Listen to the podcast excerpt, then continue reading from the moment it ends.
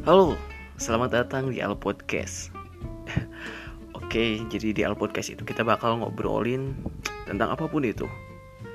Intinya kita bakal ngobrol seru-seruan lah ya di Al Podcast. Soalnya siapa sih orang yang nggak suka ngobrol? Ada yang bilang orang introvert pas ngumpul itu biasanya cuma diem aja, gak bakal ngomong kalau nggak dipancing. Beda dengan orang extrovert, bawaannya ngomong melulu.